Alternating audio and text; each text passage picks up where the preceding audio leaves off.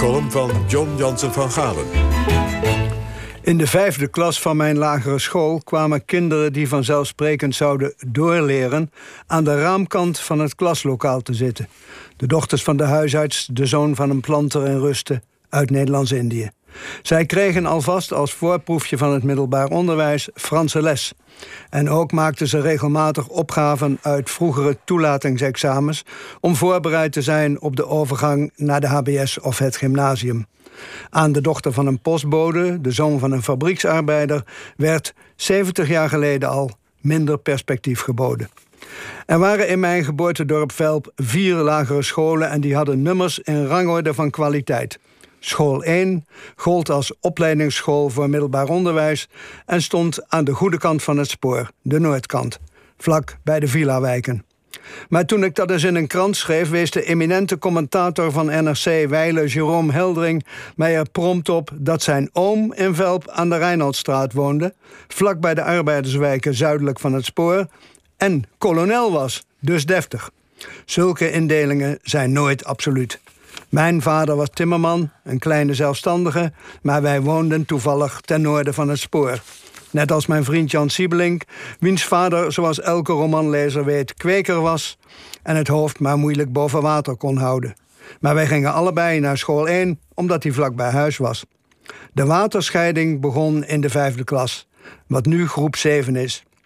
Jan wist van een vriendje die opgaven voor het toelatingsexamen voor de middelbare school af te troggelen en maakte ze alvast in de hoop toch in aanmerking te komen voor doorleren.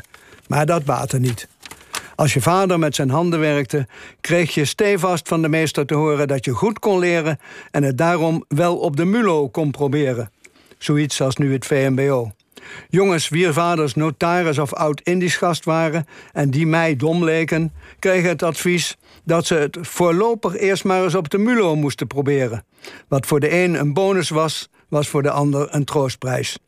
Zo moesten hele generaties een lange omweg maken om hun talenten te ontplooien. Oh, de besten kwamen er toch wel.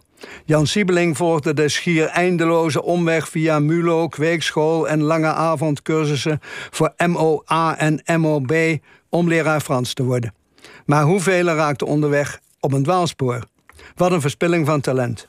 En die onderwijzers van school 1, brave sociaaldemocraten, hadden nog wel het beste voor met ons. Wij, dorpskinderen uit eenvoudige gezinnen, zouden ons vast niet thuis voelen in het deftige milieu van de stedelijke HBS. Gelukkig waren schooladviezen toen niet bindend.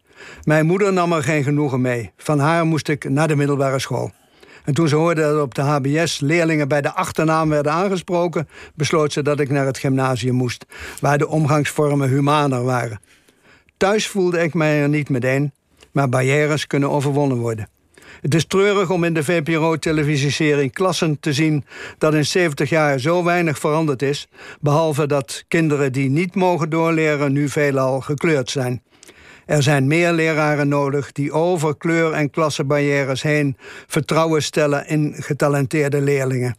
En meer moeders als de mijne. Nou, John, bedankt. Juist gesproken, zeggen we dan. Goed.